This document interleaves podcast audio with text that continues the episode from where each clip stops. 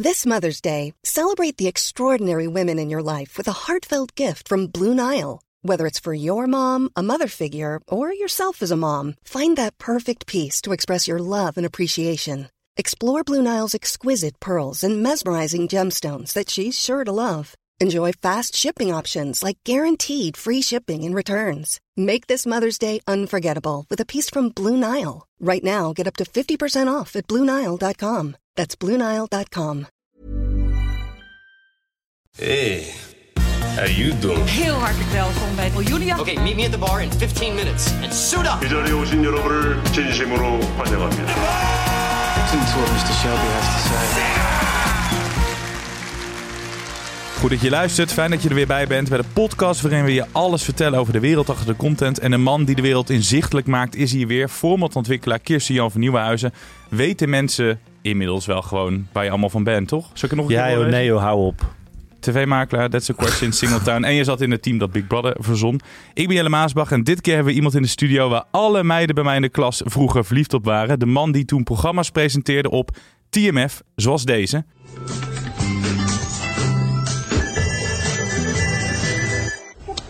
We zitten in het spookhuis in Sas van Gent. Dat is eh, op de rand van België en Nederland, in Zeeland half. Ehm, dit huis heeft een geschiedenis, dat wil je niet weten. Ja, en daarna werd naast het presenteren het ook acteren. En van voor de camera staan achter de camera. Als eigenaar van Fish to Fish Media.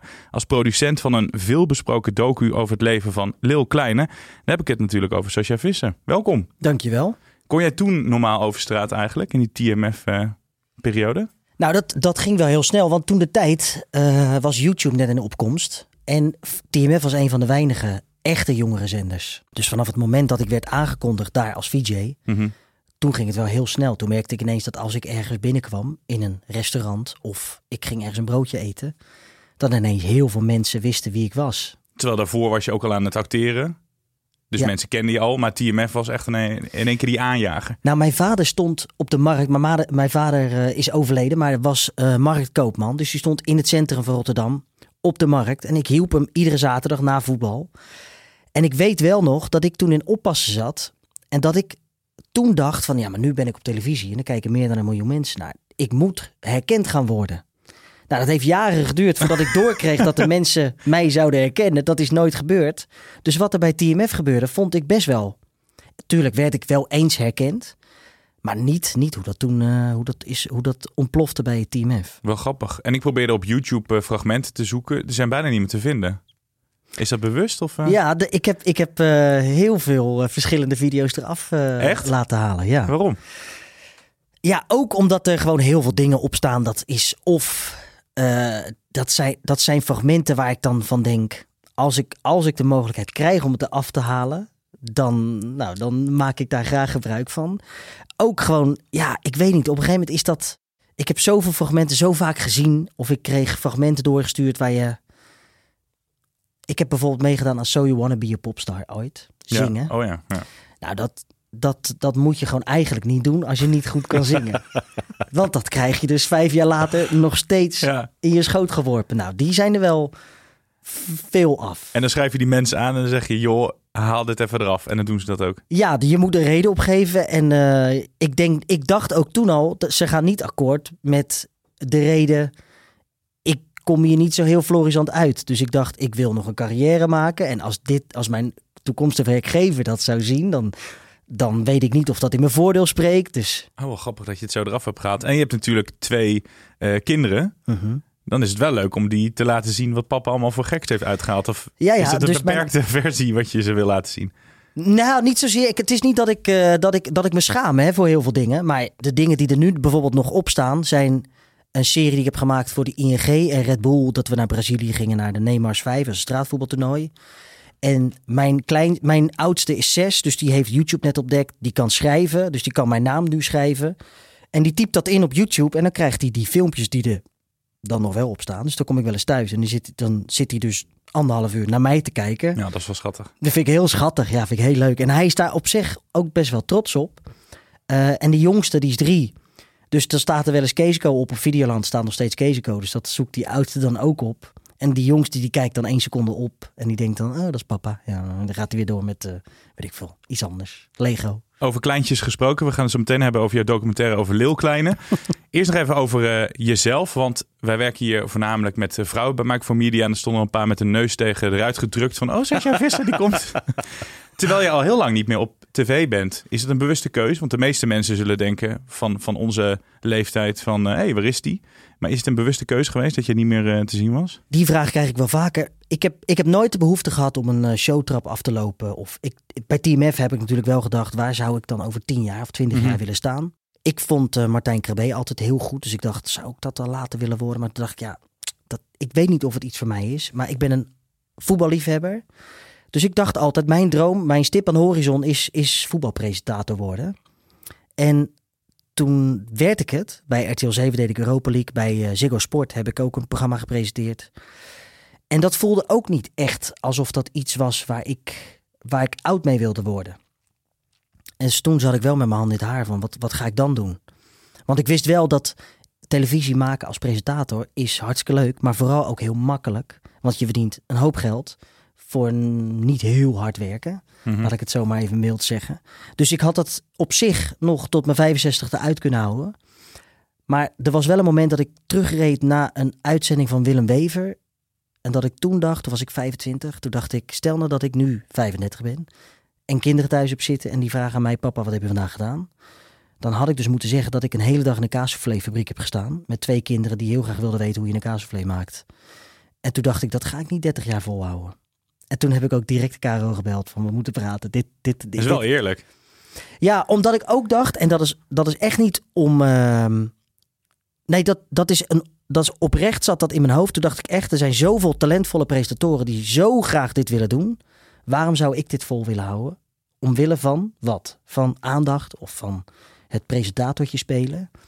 En toen heb ik oprecht, dat heb ik trouwens ook nog een keer gedaan bij eh, de Avrotros, waar Kalef Kammer presenteerde. Dat vond ik heel leuk om te doen, maar ik haalde daar niet heel veel uit. En ik wist dat, dat eh Niek Rozen op dat moment bij de Avrotros best wel stappen aan het maken was. Ja. En ook op zoek was naar een wat groter programma. En toen, toen heb ik dat met de Avrotros besproken. Dat ik, dat ik ook zei tegen Annette Vries toen de tijd. Ik, wil hier, ik hoef dit niet heel lang meer te doen. Omdat ik juist denk dat, dat er talenten te wachten, eh, staan te wachten die dit wel heel graag willen doen. Ja. Ehm, en toen was het ook wel voor mij klaar. Is wel grappig, want het is toch altijd een beetje in de picture staan. Ook het acteren, het presenteren. Ook als je echt professioneel voetballer was geworden. Je zat er heel dicht eh, tegenaan. Nu dan toch echt achter de schermen. Dus op een gegeven moment, ja, je hebt het wel een beetje uitgespeeld. En ben je gegaan voor eh, het leven als producent. Ja, en ik krijg er zoveel energie van. Je, je, je noemde net Leo Kleine. Dat, is, dat heb ik echt van, van A tot Z ehm, niet alleen begeleid. Hè, dus dat doen we met een heel team. Maar dat idee is ontstaan in mijn hoofd op een moment dat ik dacht...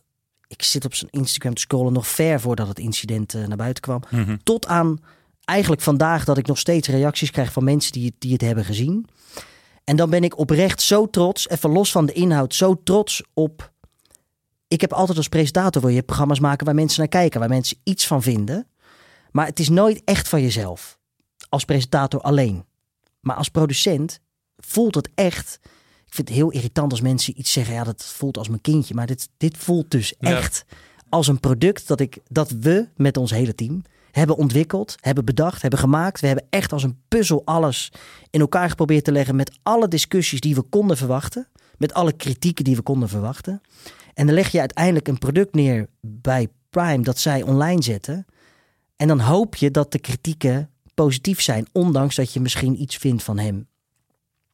En die energie die ik daarvoor krijg, heb ik nog nooit gekregen van een eh, pres- presentatieklus. Ja, dus eigenlijk voldoening waar je eigenlijk naar op zoek was. En hiervoor, hiervoor niet vond. Ja, Hoe was het om bij Prime binnen te komen? Het is geen eh, kleine partij waar je even moet Eh, aankloppen. Het is wel een heel mooi verhaal. Want daar zit Kaya Wolfers op een belangrijke positie. En dat is ook de man die mij bij TMF mijn contract liet tekenen. En wij hebben in, in de tussentijd wel contact gehouden. Maar dat is ook wel. Ik geloof in, eh, in, in, in dat er een weg is uitgestippeld waar we niet zo heel veel controle over hebben. Dat klinkt een beetje zweverig. Maar daar is dit misschien wel het bewijs van. Dat, ik, dat je bij TMF stapte ik binnen bij een grote organisatie. Dat was eigenlijk MTV. Mhm. En iedereen die daar werkte, die zit nu op een, goede positie, een belangrijke positie binnen de media. Dus het was voor mij redelijk eenvoudig om daar binnen te stappen en te vragen: kan ik niet iets voor jullie bedenken? eh, wat wij kunnen produceren. Nou heeft dat uiteindelijk, is dat veel moeilijker geworden dan dat ik uiteindelijk dacht, dan dat ik vooraf dacht. Maar zo'n Kaya, zo'n Kaya Wolfers in dit geval, die geloofde dan in mij als presentator bij TMF. Die heb ik toen gezegd, ik heb volgens mij een heel tof idee voor een, eh, voor een meisje die is geboren in Steenbergen, probeert nu door te breken bij de UFC in, eh, in Amerika. Ik denk dat dit een heel bijzondere documentaire kan worden, want zij is ook een heel bijzonder type. Over wie ging dit? Dit is een, eh, dit is een ehm, documentaire die moet nog gelanceerd worden op Prime, dus ik weet niet of ik nu al... eh, Scoop. ja, beetje wel. Ehm, dus ik weet eigenlijk niet of ik mijn mond over bijpraat. Maakt maar niet uit. Je mag alles vertellen hier. het is, dit wordt echt, denk ik, ook een, een hele bijzondere documentaire. Omdat zij zo bijzonder is en een heel belangrijk doel heeft. Waar heel veel obstakels overwonnen moet worden. Eerste Nederlandse vrouw in de UFC dan toch? Dat, eh, dat is wel haar doel. Ja. En, en Kaya geloofde erin. Samen met Jacomine op dat moment. En dat, dat was voor mij... Ik, ja, Prime is voor mij Champions League. Dat is voor mij als Feyenoord tegen Manchester City moet spelen. Ajax. Nee, Feyenoord. Hij komt uit Rotterdam, hè? Feyenoord Je- Ajax. Je woont wel nu in Amsterdam, even tussendoor. ja. Is ja. het moeilijk als Rotterdammer om hier... eh, Nou, je eh, niet, nu eh, niet, We zijn nu niet, voor niet. de- we, zijn niet, we zijn niet voor dezelfde club, heb ik het idee. Nee, en ik wil vandaag die discussie ook met jullie aangaan. Hoe dat nu precies... Want jullie staan... eh, Ja, we staan Vijfde. Ja. ja, het gescheeld Ja. 14 puntjes. Maar mijn vader is dus marktkoopman geweest. En dat waren allemaal echte Rotterdammers. En dus echte Feyenoorders. Dus toen ik een jaar in Amsterdam woonde... en ik kwam weer eens bij mijn vader op de markt... letterlijk, Ja. geen boer of baas. Ze keken niet meer om of om Ja, dat vond ze heel erg natuurlijk. Ja, dat vonden ze helemaal niks. Ik heb jarenlang moeten doen om weer die band te herstellen. Dat ze... Ja. Nou, ik hou van Rotterdam en ik hou van Feyenoord. En mijn halve vriendengroep is ervoor. Ik heb alleen niks met PSV. Eigenaar van Mike van Media is voor PSV. Dat is de enige fout die hij heeft eh, gemaakt. Hè? Eh, maar is het moeilijker om dan eh, bij iemand binnen te komen die je kent als presentator... dat die in één keer aan jou moet wennen als, als producent? Lijkt Ik me ook het- ergens best wel lastig. Ja, het is wel heel lastig. Suzanne Kunstler bijvoorbeeld, die deed, was toen verantwoordelijk voor ZEP. En ik presenteerde voor ZEP. Dus ik dacht, ik was echt in de veronderstelling, ik presenteer voor ZEP. Dus dan kan ik toch makkelijk ook een programma bedenken en maken. Waarom, Mhm. Waarom zou je dat niet doen? En terecht achteraf, zij zei ook, ja, eh, een leuk idee, maar ik kwam er maar niet doorheen, weet je. En ik dacht ook van, waar ligt het nou aan? Maar zij kreeg natuurlijk 200 verschillende ideeën per dag op de bureau. En Ja. dan kwam ik aan, eh, de presentator die denkt wel eventjes te gaan produceren. Eh, dus ik, ik heb met terugwerkende kracht het idee dat ik me wel twee keer moest bewijzen. Eh, omdat iedereen misschien wel zou denken, jongen, blijf jij nou maar gewoon presenteren. Laat het produceren over aan de aan de aan Ja, de dat lijkt me vooral heel moeilijk. Daar zat ik gelijk als eerste aan te denken... dat je eigenlijk nog een extra drempel over moet. Ja, dat is ook, dat, voor mijn gevoel is dat ook wel zo. Heb je het gevoel dat je er wel overheen bent? Nou ja, eh Lil Kleine, je hebt het zelf gezegd. Echt een goede docu, eh, Ja. Kirsten. Vind ik ook, ja. Volgens mij heb je jezelf wel inmiddels wel enigszins bewezen, toch? Ja, dat moet jij zeggen. Ga je hem vragen of hij zich bewezen heeft? Nou ja, nee, misschien maar merk je dat je in, in ieder geval serieuzer genomen wordt op dit moment. eh, De laatste tijd. Dat niet per se, maar ik denk wel dat, dat, ik, dat, dat mijn bedrijf dit nodig heeft gehad om in ieder geval wat zichtbaarder te worden. Dus ik denk niet dat het nu veel makkelijker wordt om ideeën te slijten. Nee, maar goed, je hebt een heel goed scorende documentaire. Staat al heel lang op nummer 1 bij Prime, eh, Jorik. Eh, dan gaan mensen toch ook gewoon geloven, hij kan goede documentaires maken. Nou, ik denk, ik denk dat dat met meerdere facetten te maken heeft. Dus niet alleen de inhoud. Maar ik denk dat er heel veel grote partijen ook moeite hebben om bij deze namen te komen Ja. van dit niveau. Ja, kan je nog even terug naar gaan? Hoe, je zegt, ik ben er al lang mee bezig geweest. Hoe is dat een beetje gegaan dan uiteindelijk? Want eh, kan je daar een korte samenvatting van geven? Je hebt hem benaderd, neem ik aan. Hoe ging dat dan? Ik, ik was altijd al gefascineerd door hem. En zo zijn er wel meerdere mensen binnen de sport, maar ook binnen de media. Waar ik bleef hangen als ik op hun Instagram-account zat. Dat ik dacht, wat, wat fascineert mij nou aan jou? Ja, wat was dat? Ja, ik, heb, ik kan er nu nog steeds de vinger niet op leggen. Nee. Dus het, hij irriteerde me heel erg. Maar ik vond hem ook heel erg aaibaar of zo. Omdat ik ook dacht van, dit kan jij niet zijn. Dit, dit kan niet zo in jouw aard zitten. Zo ben je niet geboren. Ehm, en toen legden we contact met het management. En dat was een beetje moeizaam. Daar ging veel tijd overheen. Dat was ruim voor het, het eh, deurincident, het autodeurincident. Ja, ruim. Ja, ja, ja. Verder voor. Zaadje geplant. En toen, ehm, toen gebeurde dat incident. En ik denk dat wij een paar weken daarna twee maanden daarna misschien weer in contact eh, eh, zijn getreden met het management. En toen zeiden ze dat ze eigenlijk al gewoon bezig waren met, met wat filmen van, van hem. En eigenlijk zijn toen de gesprekken gevorderd. Zij hebben ook meerdere gesprekken gevoerd met andere partijen. En ja, ik weet ook niet waarom ze voor ons hebben gekozen. Ik denk ook dat het een. eh, dat een van de redenen is geweest dat wij meteen zijn gaan draaien met hem. We zijn, wij hebben meteen gezegd. Om, om erachter te komen hoe jij werkelijk in de wedstrijd zit. Want hij kon ons alles verkopen op dat moment. Om, maar het was ook heel kwetsbaar voor ons. Wij willen ons naam niet zetten onder iets eh, waar mensen van gaan zeggen: waarom geven jullie deze jongen een podium en een Ja, vrijbrief ja, om maar iedereen ja. de schuld te Een geven? promofilm. Exact. En toen hebben we een paar dagen, zijn we een paar dagen gedraaid. Toen merkten we al heel snel, volgens mij hebben we echt iets heel bijzonders in handen. Want dit is echt iets en iemand die zich van een hele andere kant durft te laten zien.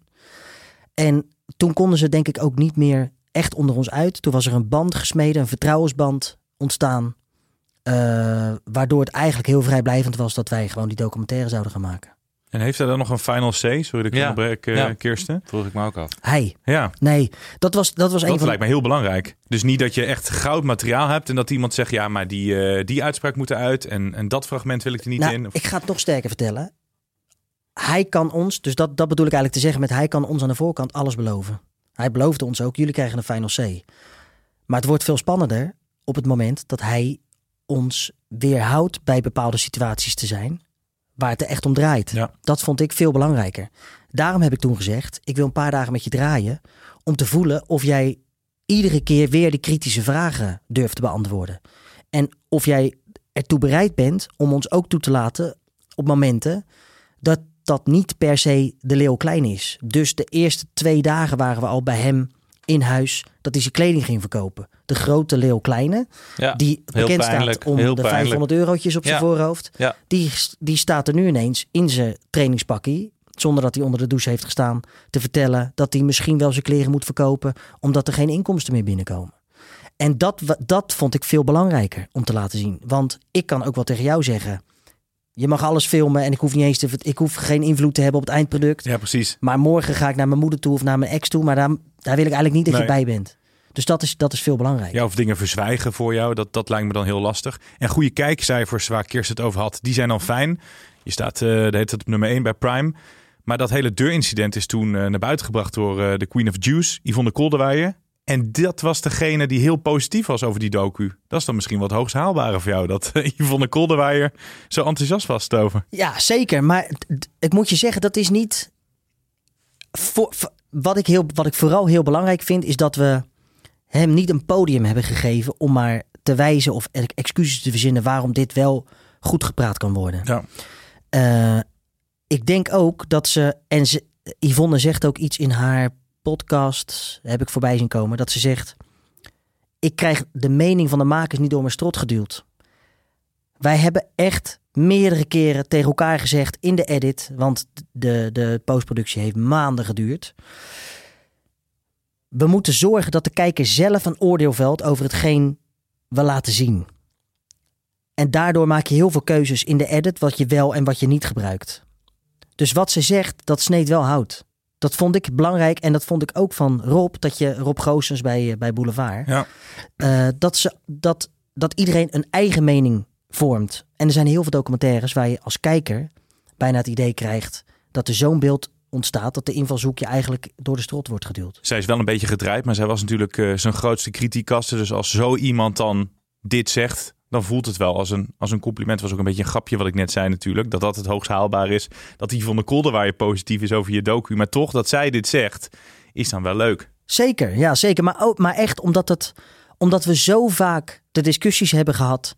Hoe zorgen we ervoor? En echt tot vermoeiens aan toe, urenlang hè, over, over één vraag. Hoe zorgen we ervoor dat we de eenzijdigheid wegnemen van deze documentaire? Heb je ook negatieve reacties gehad? Zeker. En meer dan terecht. Want ik snap ook, gisteren nog. Gisteren nog bij, nou ik zal niet in namen treden of uh, geen namen noemen, maar mensen binnen de media die gewoon heel concreet zeggen: we hebben hier mensen die ook echt uh, veel content aankopen, laat ik het zo maar zeggen. Ja. We hebben bewust de documentaire niet gezien, want we gunnen hem niet dat podium. Eh, en terecht, want dat snap ik dus ook. Dat als je kinderen hebt, en helemaal als je dochters hebt. eh, ja, dat je, dat je wel twee keer nadenkt of je. En helemaal, zij waren. Eh, zij, zij wisten meer achtergrondinformatie te Mhm. vertellen. Waardoor zij ook een veel duidelijkere keuze, konden maken van we, we willen dat niet eens zien. Eh, dus dat begrijp ik ook, die kritiek. Ja, alleen het is niet alleen een podium bieden. Het is ook dat je iemand die je misschien niet mag ook beter leert kennen. Ja, nou ja, ik denk ook wel dat, dat eh, er is natuurlijk veel kritiek ontstaan wederom op, eh, op Jorik na de documentaire. Zeker over zijn drankgebruik natuurlijk erin. Hoe, is het hem zelf bevallen, deze documentaire? Hij dacht natuurlijk aanvankelijk, ik kom er op zich best heel goed uit. Eh, maar ik, het heeft ook wel een lichte backlash voor hem gehad, toch? Op een bepaalde manier. Wij, eh, wij hebben hem dus eh, aan de voorkant verteld: je gaat geen invloed hebben op, de, op het product. Maar als er feitelijke onjuistheden in zitten, dus als wij scènes hebben verknipt die niet zo zijn gelopen, dan, dan moet je daar wat van zeggen. Dus wij, ik stuurde hem de eerste versie. Toen stuurde ik hem mee in die WhatsApp van je gaat niet blij worden, maar dit is de eerste versie. Een paar uur later belde hij en ik zat in een afspraak en ik zag Jorik belt. Dus ik liep weg uit die afspraak. Ik denk dit wordt ruzie, dit wordt dit wordt een hoogoplopende discussie. Ik zeg, eh, je hebt hem gezien? Ja, ja, ik heb hem gezien. Ik zeg, nou, vertel. Toen was hij heel stil zo. Toen zei hij, ja, heel dik. Ik vond hem heel dik. Dat is zijn taal. Maar, zegt hij, eh, ik denk, nou komt het. Hij zegt, dit is niet de Leeuw Kleine die iedereen wil zien, hè? En toen dacht ik, dan hebben wij toch iets goed gedaan. Want wij wilden een hele andere Leeuw Kleine laten zien in de documentaire... dan dat iedereen zou verwachten aan de voorkant. En hij was er niet per se heel erg negatief over. Maar dat zegt wel alles over het alter ego Leeuw Kleine dat hij heeft opgebouwd. Omdat ik denk dat, dat Jorik, dus de mens Jorik, misschien niet altijd heel veel eigenwaarde heeft. Niet heel erg tevreden is met zichzelf. Een Leeuw Kleine heeft opgebouwd aan de hand van het succes op social. Dus 500 briefjes op mijn voorhoofd plakken. Wordt heel grappig gevonden. Heb ik de meeste likes mee. Dat betekent dat ik dat soort content nog veel vaker moet maken. En daardoor is hij zichzelf misschien wel een beetje verloren in Leeuw Kleine. En daardoor zien we nu een hele andere Leeuw Kleine. En dat was met terugwerkende kracht het doel van deze documentaire. Hoe uh, reageren zijn fans er eigenlijk op? Want die krijgen inderdaad een heel andere Jorik of, of Leeuw Klein in dit geval uh, te zien. Nou, wat ik dus gisteren ook zei in gesprek met, met uh, de twee vrouwen die tegen mij zeiden: we gaan de documentaire helemaal niet kijken. Dat ik zei: ik vind het vooral belangrijk dat je het dan kijkt. Want dat zegt iets over de manier waarop wij kijken naar een doelgroep die nog steeds uit zijn handen vreet. Ja. Wij staan in Jorette Mar en echt waar 1800 man volgepakt in een bezweten discotheek. Iedereen bij elkaar op de schouders alsof Michael Jackson op het podium kwam lopen. Het was Jorik, 1800 telefoontjes in de lucht. Echt waar, die hebben hem nooit gecanceld. Niet een seconde. Nee. En die doelgroep vergeten we dus. Als we zeggen, ik wil het helemaal niet zien. Ik wil die doelgroep dus helemaal niet begrijpen. En dat, dat zeg ik dan vaak terug. Van, ik snap dat je weerstand hebt tegen hem. Maar juist dat is een reden om het toch te kijken. Al is het alleen om een doelgroep te begrijpen van... Nou ja, laat ik het eventjes wat milder zeggen. Maar hij heeft een anderhalf miljoen volgers op zijn Instagram. Hij gooit een trailer online van de docu. Binnen een dag 1,2 miljoen keer bekeken. Ja, bizar. Ja, dit heb je, dat heb je dan echt nodig. Net Ja. zoals dat wij gaan jou helemaal uithoereren met uh, zometeen zo'n promofilmpje dat je deze aflevering moet luisteren. dat weet je nog niet. Doorsturen naar Jorik. Doorsturen naar Jorik. jou vragen. Want je hebt 11.000 volgers of zo op Insta, dus die gaan we allemaal inzetten. Maar dat is wel lekker als, als je aan Jorik vraagt, wil je die... Moest je dat echt vragen of deed hij dit gewoon uit zichzelf? Nee, hij wilde ook. Ik denk dat, Dat hij ook lekker. heel graag die kant Tuurlijk. toch van zichzelf Ja. Ja. laten zien. Dat heb je nodig. Heeft hij eh, op een bepaalde manier ehm, het gevoel dat hij, dat hij iets moet gaan veranderen in zijn leven? Behalve dan even het verhaal over het alcoholgebruik. Maar jij zegt net, hij zit in een soort spagaat zijn, eh, in zijn leven. Dat komt er ook goed uit, vind ik, in de documentaire. Heb je het idee dat hij daar op een gegeven moment misschien iets wel aan wil gaan doen? Want op deze manier doorgaan is natuurlijk ook een soort destructief. Hij houdt dit waarschijnlijk ook niet meer vol. In alle eerlijkheid denk ik dat iemand als Jorik dit nog wel 30 jaar vol zou houden. En dat zeg ik omdat deze, deze business waar hij in zit, op dat niveau. Kijk, het is dat hij nu gecanceld is, maar als hij nu nog steeds vier, vijf optredens per week zou hebben, dan verdient hij nog steeds volgens mij meer dan een miljoen. En dan kan hij nog steeds iedere dag om twee, drie uur wakker worden. Eh, geen haan die er naar kijkt. Eh, alleen moet hij wel veranderen, want hij heeft een kind. Eh, de hele rap scene is veranderd. Dus het succes van de hip-hop rap scene in Nederland is echt veranderd. Als in? Als in, als je ziet dat hij niet alles wat, wat Jorik, maar ook al zijn concurrenten eigenlijk eh, nu nog aanraken, wordt goud. Ze moeten echt hard werken. En ik denk ook dat ze zich opnieuw moeten gaan uitvinden. Ehm, dat zegt dat er, dat er veel op het spel staat. Want het is nu volgens mij alles of niks voor, voor dat soort jongens. En dat is juist, denk ik, heel interessant. Want hoe gaat iemand daarmee om? En zijn alcoholgebruik, ja, ik, ik snap wat je zegt. Maar ik eh, mag mezelf niet helemaal vrijpleiten. Want in de tijd dat ik vrijgezel was, dronk ik ook behoorlijk. En eh, was, was, eh, eh, voldeed ik ook niet aan het plaatje van... volgens mij als je acht glazen alcohol per week drinkt... dan kom je al eh, in de, Ja, alcoholistisch. in de hoek, alcoholistische zone. Ja, Ja, nou, dat, daar periodes ging we wel allemaal wel gehad, toch? Tijdens Ja. het studeren. Ja, en da- daarmee wil ik hem echt niet goed praten. Hè, want hij Nee. drinkt echt veel. Je hebt nooit het hoofd van iemand tussen een auto deur eh, gelegd, toch? Nee, nee, nee. Nou, daar zijn we er al. Maar wacht eventjes, daar moet ik wel weer wat over zeggen. Want Het dat ligt is ook, ook, anders. niet gebeurd. Het Nee. ligt, nee, Nee, het dat ligt is niet heel gebeurd. anders. Maar dat blijft wel aan hem kleven. Ja. Ja, dat wordt dus, Dat dus nog steeds kut, geschreven. ja. Nou, dat lijkt mij vooral, kijk, wat daar is gebeurd, wat daar aan vooraf is gegaan, dat hebben we ook niet gebruikt in de documentaire, vond ik, vonden we niet relevant genoeg om te vertellen, want dat zou bijna een excuus zijn. Daar bedoel ik ook mee eenzijdigheid wegnemen. Mhm.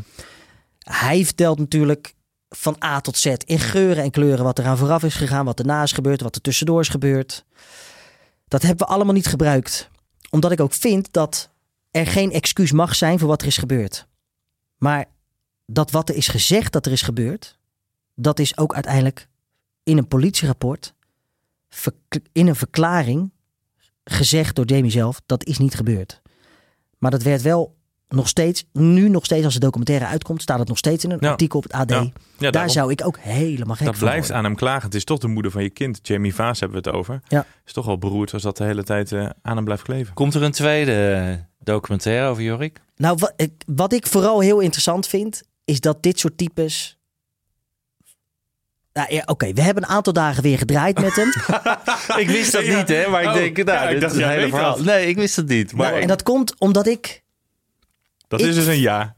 Nee, nee, nee, nee Oh. want dat is toch helemaal niks. eh, die, gesprekken die, eh, die zijn nog niet eens gestart. Maar ik ben zo benieuwd. Want jij stelt de vraag net van wat nu? Ja. Moet hij zich, dat denk ik als maker natuurlijk ook. Ja. En als mens. En ik ben heel benieuwd, wat gaat hij nu doen? Want het is eigenlijk een open einde. Ja. En iedereen, nou veel mensen hebben toch een beetje een knoop in de maag van dit gaat, dit gaat niet lang goed.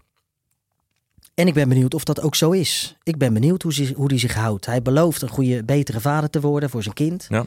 Nou, ik ben benieuwd. Even een naïeve vraag. Als er een documentaire over je wordt gemaakt, krijg je daar dan voor betaald? Ehm Jorik niet. Dat is het beste antwoord dat ik kan Ja, geven. nee, dat, bedoelde ik. Ja. Ja. Of hij er daar geld dan zo voor zou krijgen. Nou, bij de NPO is het heel simpel. Dan krijg je een onkostenvergoeding. Ja. En eh, op de commerciële weet ik dat er echt wel eens wordt betaald. Maar Jorik niet. Jorik niet. Ben je al wel bezig met het volgende onderwerp eigenlijk? Dus met iets heel anders. Want en dan ga ik jou gewoon de credits geven. Keers had dus een heel goed idee. Andere veel besproken mensen die je zou kunnen volgen. Keuze uit Matthijs van Nieuwkerk, Rachel Hazes of Theo Maassen. Welke van de drie zou jij... eh, Je zit me al aan te kijken alsof je de een van de drie al hebt benaderd. Nee, ik zit te denken Oh. aan een interview wat ik had met, eh, met ik weet niet, oh Veronica Superguide volgens mij. Die vroegen of ik Marco Passato eh, zou doen. Nou, Ja, ja. En toen zei ik meteen nee. Maar Marco Passato heeft mij door de scheiding van mijn ouders heen gezongen. Dat was mijn held. Kaya Wolfers bij de contractbespreking van Team F vroeg... welke artiest zou jij... carte blanche, welke artiest zou je willen interviewen? Die dacht, daar komt die 50 Cent of Snoop Dogg of al die gasten. Ik zei, Marco Borsato. Marco Borsato. Dus hij keek me aan. Marco Borsato. Hoe, nou, van alles... Nou, oké. Wij regelen dat jij... En het was een beetje een anticlimax, want het was gewoon een... was geen gezellig gesprek. was niet wat ik ervan had gehoopt. Eh, ik zing alle albums van hem mee, hè? Ja, Vanaf ook, ja. het eerste album dat hij uitbracht. Ja, Nou, jij ja, ook, oké. ja. Nee, nu ook niet omdat ik denk dat die klik er niet is. Omdat ik niet geloof dat hij echt het achterste van zijn tong wil laten zien. En wat daar is gebeurd, gaat mij wel een, br- een brug te ver. Ook, ik weet niet zeker wat daar allemaal is gebeurd. Maar daar wil ik mijn vingers niet aan branden. En ik denk ook niet dat het slim is als bedrijf om je nog een keer te branden aan iemand die gecanceld is. Nee. Hm. Maar dan zou je dus niet iemand willen interviewen die gecanceld is. Ja, interview is een ander verhaal. Hè? Maar een documentaire is wel. Het zijn wel drie namen, credits naar Kirsten nogmaals. Het zijn wel drie namen die tot de verbeelding spreken... en waar misschien mensen ook wel naar zou willen kijken. Ja, maar ik, ik vind ook niet dat wij als bedrijf alles moeten willen maken. Over wie zou je het dan wel willen maken? Arne Slot, Arne Slot? tuurlijk. Arne Slot vind ik ook zo'n mythisch figuur. Ja, het is wel een sympathieke vent, ja. Nou, dat, ja, ook dat. En eh, in de, in de periode dat ik eh, voetbal mocht presenteren, was hij nog trainer van AZ. En hij had wel echt iets anders dan Jaap Stam en Dick Advocaat en Ten Hag. Ik, ook daar weer, ook zoiets waar je je vinger niet op, kan- waar je je vinger niet op kan leggen of zo. Je krijgt er niet echt de controle. Er komen alleen maar meer vragen naarmate de antwoorden worden gegeven. En hij heeft ook iets. Ik weet het niet, ik ben sowieso een voetballiefhebber. Mino Raiola had ik ook, wa- was ik ook heel Ja, lang mee bezig. Heb ik heel Johnny lang- van het Schip nu? Nee, nee, nee, nee. Of waarom? Omdat het Ajax is? Daar heb je niet veel mee. Nou, wat, wat het bij Ajax is, is dat ik denk dat dat. Dat we nooit echt tot de kern komen van waar het van nee, helemaal niet als de PR van Ajax ervoor zit. Precies, De- dat denk ik. maar Mark. Overmars. Ehm, hmm, heeft wel een verhaal te vertellen. wel interessant. Ja. je wil maar- niet zijn foto's zien, denk ik, maar... eh, Nee, niet zijn foto's. maar eh, ik, ik vind het ook ergens best wel klein, hè? Al die gasten die. die Ja. Leuk. Ja. ja, dat weet ik dan weer Ja, niet. ja. Maar ik vind het, Denk het wel. Het voelt een beetje. Tuurlijk, ik snap dat, Ja. eh, dat iedereen daarna, daarnaar eh, zou willen kijken. Maar. Het, Ja, het dus is niet eh, mijn... de sporthoek eh, dan, eh, dan weer in. Als je dan een volgende documentaire zou maken. Eh, nou, we, we maken dus dit, dat meisje dat Ja. probeert door te breken bij de UFC. Ja, Heel interessant. Vind Ja. ik. ik ben een groot fan van de UFC. UFC. Ik Kijk altijd. In en dit is helemaal geweldig, hè? Want eigenlijk volgen we de hele weg tot aan dat gevecht eh, voor de UFC. Wanneer gaat het eh, gevecht gebeuren? Eh, dat gevecht is al geweest. Oké. Eh, we zitten echt komt in de de eindfase. Wanneer komt de docu? Ik hoop Q1 nog. Oké. Maar dat weet ik niet zeker. Oh, maar dan mag je er ook wel over praten, toch? Dus de, de komen, eh, een van ja, dus de komende weken in principe. Eh, ja, we zitten echt in de eindfase van, eh, van de post. Ja, vet. Dus, ehm, Ja. Maar ook dat is zo'n... Zij is onbekend, maar zij is zo bijzonder. Hoe ze, hoe ze in elkaar steekt, de achtergrond, eh, haar doel waar alles voor moet wijken. Maar ga jij maar in Miami wonen, want het lijkt, we zien alleen maar palmbomen en van die oude Amerikaanse auto's. Maar dat is natuurlijk maar een heel klein deel van Miami. Het is alleen maar trainen voor haar natuurlijk. Het moet, dat zou het moeten zijn, maar eh, ja, zet je daar maar toe als je zes maanden geen partij hebt. Ja. Dan komen ze allemaal 10, 12 kilo aan. En dan moeten ze ineens in zes weken dat kwijtraken. Dus die weg, dat gevecht, letterlijk dat gevecht, ook buiten de ring, vind ik fascinerend. Vet hoor. Ik ben heel benieuwd. Ook bij Prime dus, hè? Ja. Gaan we tippen waarschijnlijk, vermoed ik. Zou het hier werken? We hebben het over eh tieneridolen. We hebben het over eh, mensen over wie een documentaire gemaakt zou mogen worden. Maar Lisette ik- van Diepen. Dit bruggetje Het moet van gaat ver maar door. Ons tiener, onze eigen tieneridol. Onze eigen tieneridool. Nou, Wat heb jij eh, blozen, meegenomen van Ja, buiten? ik heb eh, ook een documentaire meegenomen. Leuk. Ehm, in Canada is een adaptatie besteld van een origineel Japans eh, format. Dat op dit moment te zien is op Netflix met de titel Old Enough. En het goede nieuws daarvan vind ik allereerst dat er dus schijnbaar ruimte is bij Netflix om te onderhandelen over exploitatie van het format buiten de Netflix-serie of Netflix-uitzending om. En dat is wel eens heel anders geweest. Dus dat vind ik heel positief te lezen. Ehm Old Enough is een documentaire serie die vanaf 1991 loopt op Nippon in Japan. Mhm. Het is, de inspiratie is ooit gekomen van een kinderprentenboek dat heel populair was.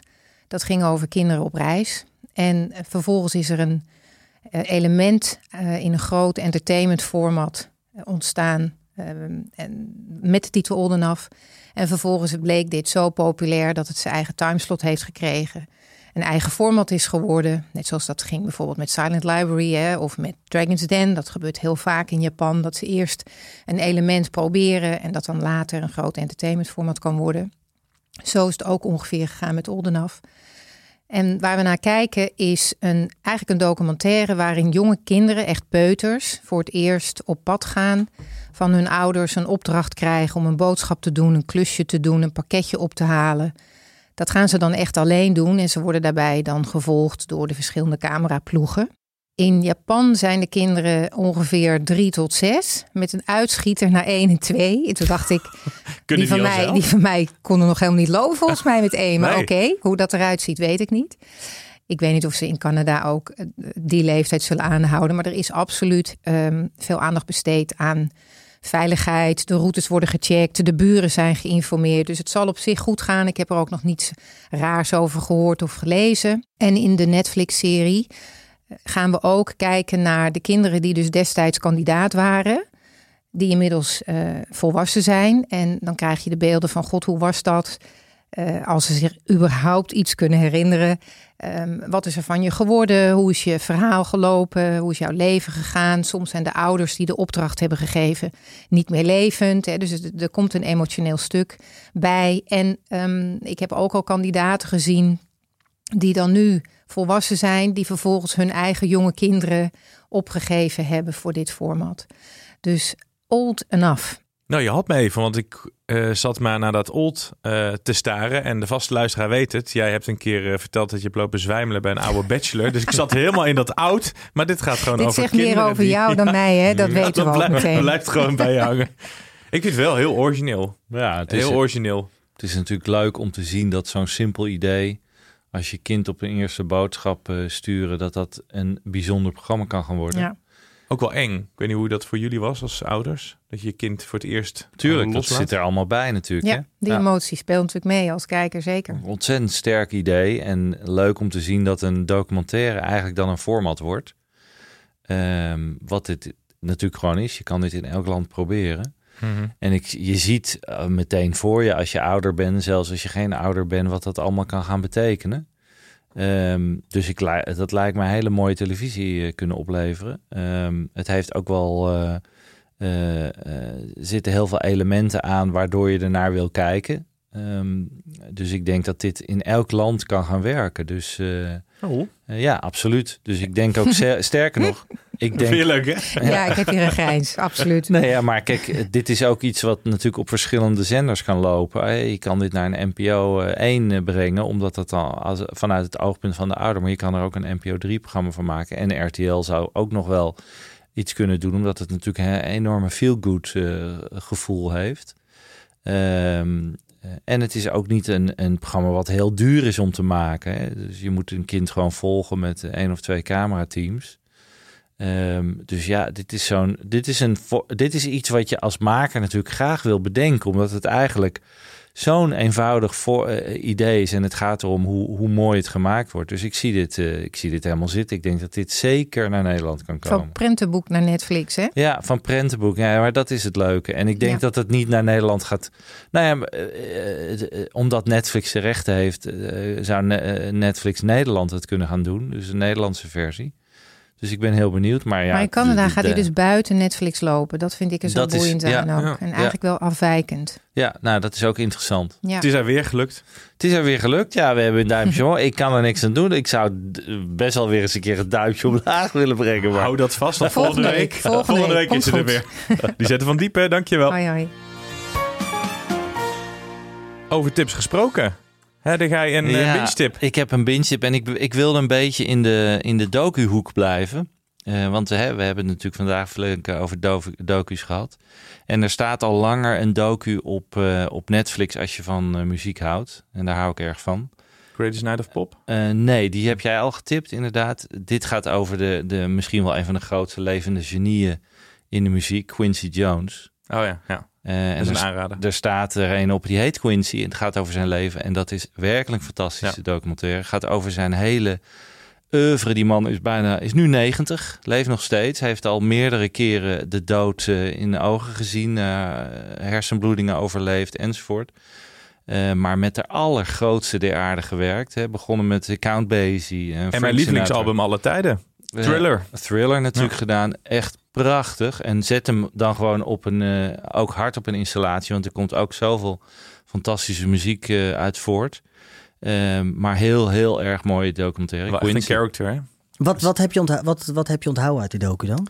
Nou, zijn geni- genialiteit natuurlijk. En ontzettende drive van die man. Zo harde werker. Ongelooflijk. En eh, het stukje dat hij, dat hij eh, met, met Frank Sinatra ging werken... waar mijn ouders groot fan van zijn. en, en ik ook. Ehm, echt ongelooflijk. Maar die man heeft eh, voortdurend eh, zichzelf opnieuw uitgevonden. Dus begonnen in jazz, toen klassieke muziek. Vervolgens met crooners gewerkt als Sinatra. Daarna met pop, met Michael Jackson. En Daarna weer met hip-hop eh, geprobeerd om wat te doen aan de rivaliteit tussen East en, West eh, hip-hop in Amerika. Waar natuurlijk allemaal dooien zijn gevallen met Tupac en Biggie. Ja, ja.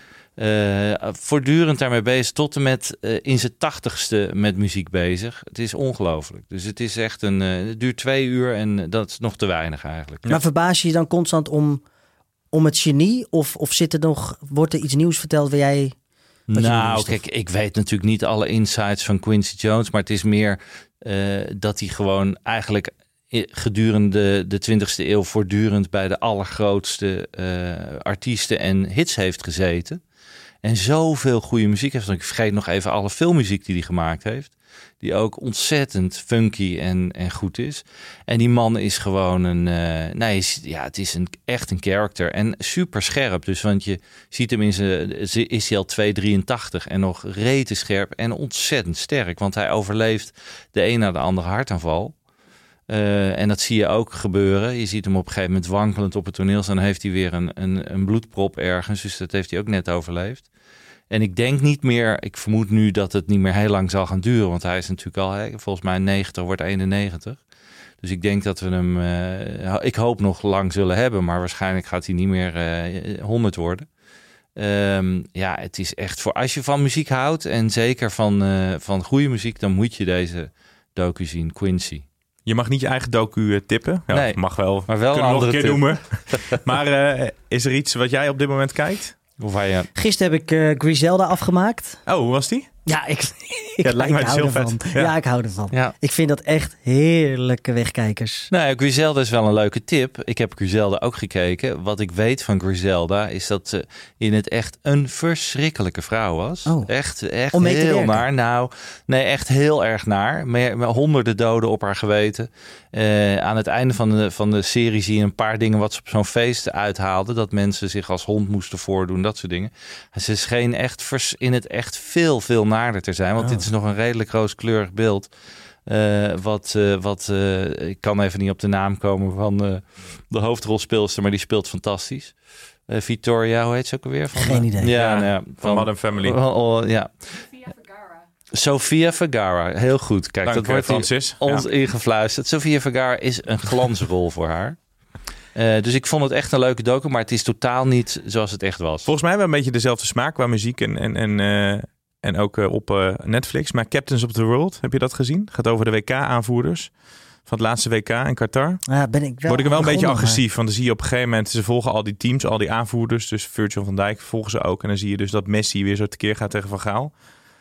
Ja, sinds dat WK heb ik echt een pleurishekel aan Messi eh, Mijn, mijn jongste, mijn oudste zoon dus ook. Heel goed. Oké. Ja. Ja. maar niet door dat. Maar die zit dus op YouTube. Kijkt die, Oh, die zit die al die terug- fragmenten terug te Hij kijken. is wel en van YouTube, hè? hij- ja, die zit de hele dag op YouTube eh te Dat wordt misschien jouw grootste concurrent. Of je moet je docu's op, eh, op YouTube eh, gaan zetten. Nee, ik bedoel meer die nieuwe generatie. Heb ik ook echt het idee, ook met mijn neefjes, dat die alleen maar op YouTube zitten te, te hangen. Ja, maar je komt op YouTube wel veel dezelfde content tegen, toch? Ja. Dus, ja, of niet, want jij haalt alles weg. Ja, precies. Dit was Content Wars voor deze week. We danken Sascha Visser, eigenaar van Fish to Fish Media. En de reden dat iedereen eh, in mijn klas altijd zat te gillen. Wij zijn er volgende week weer met een nieuwe. En ik kan al verklappen dat het over nostalgie gaat. Dan ga je even oude formats bespreken. Nostalgie TV, hè? Ja. Een grote trend van de laatste tijd. Dus daar gaan we het er wel over hebben. Tot dan.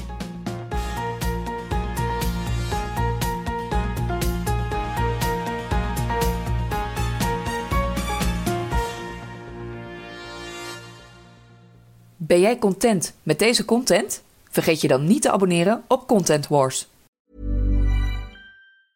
Mom deserves the best, and there's no better place to shop for Mother's Day than Whole Foods Market. They're your destination for unbeatable savings, from premium gifts to show-stopping flowers and irresistible desserts. Start by saving 33% with Prime on all body care and candles. Then get a 15-stem bunch of tulips for just $9.99 each with Prime. Round out Mom's menu with festive rosé, irresistible berry chantilly cake, and more special treats. Come celebrate Mother's Day at Whole Foods Market.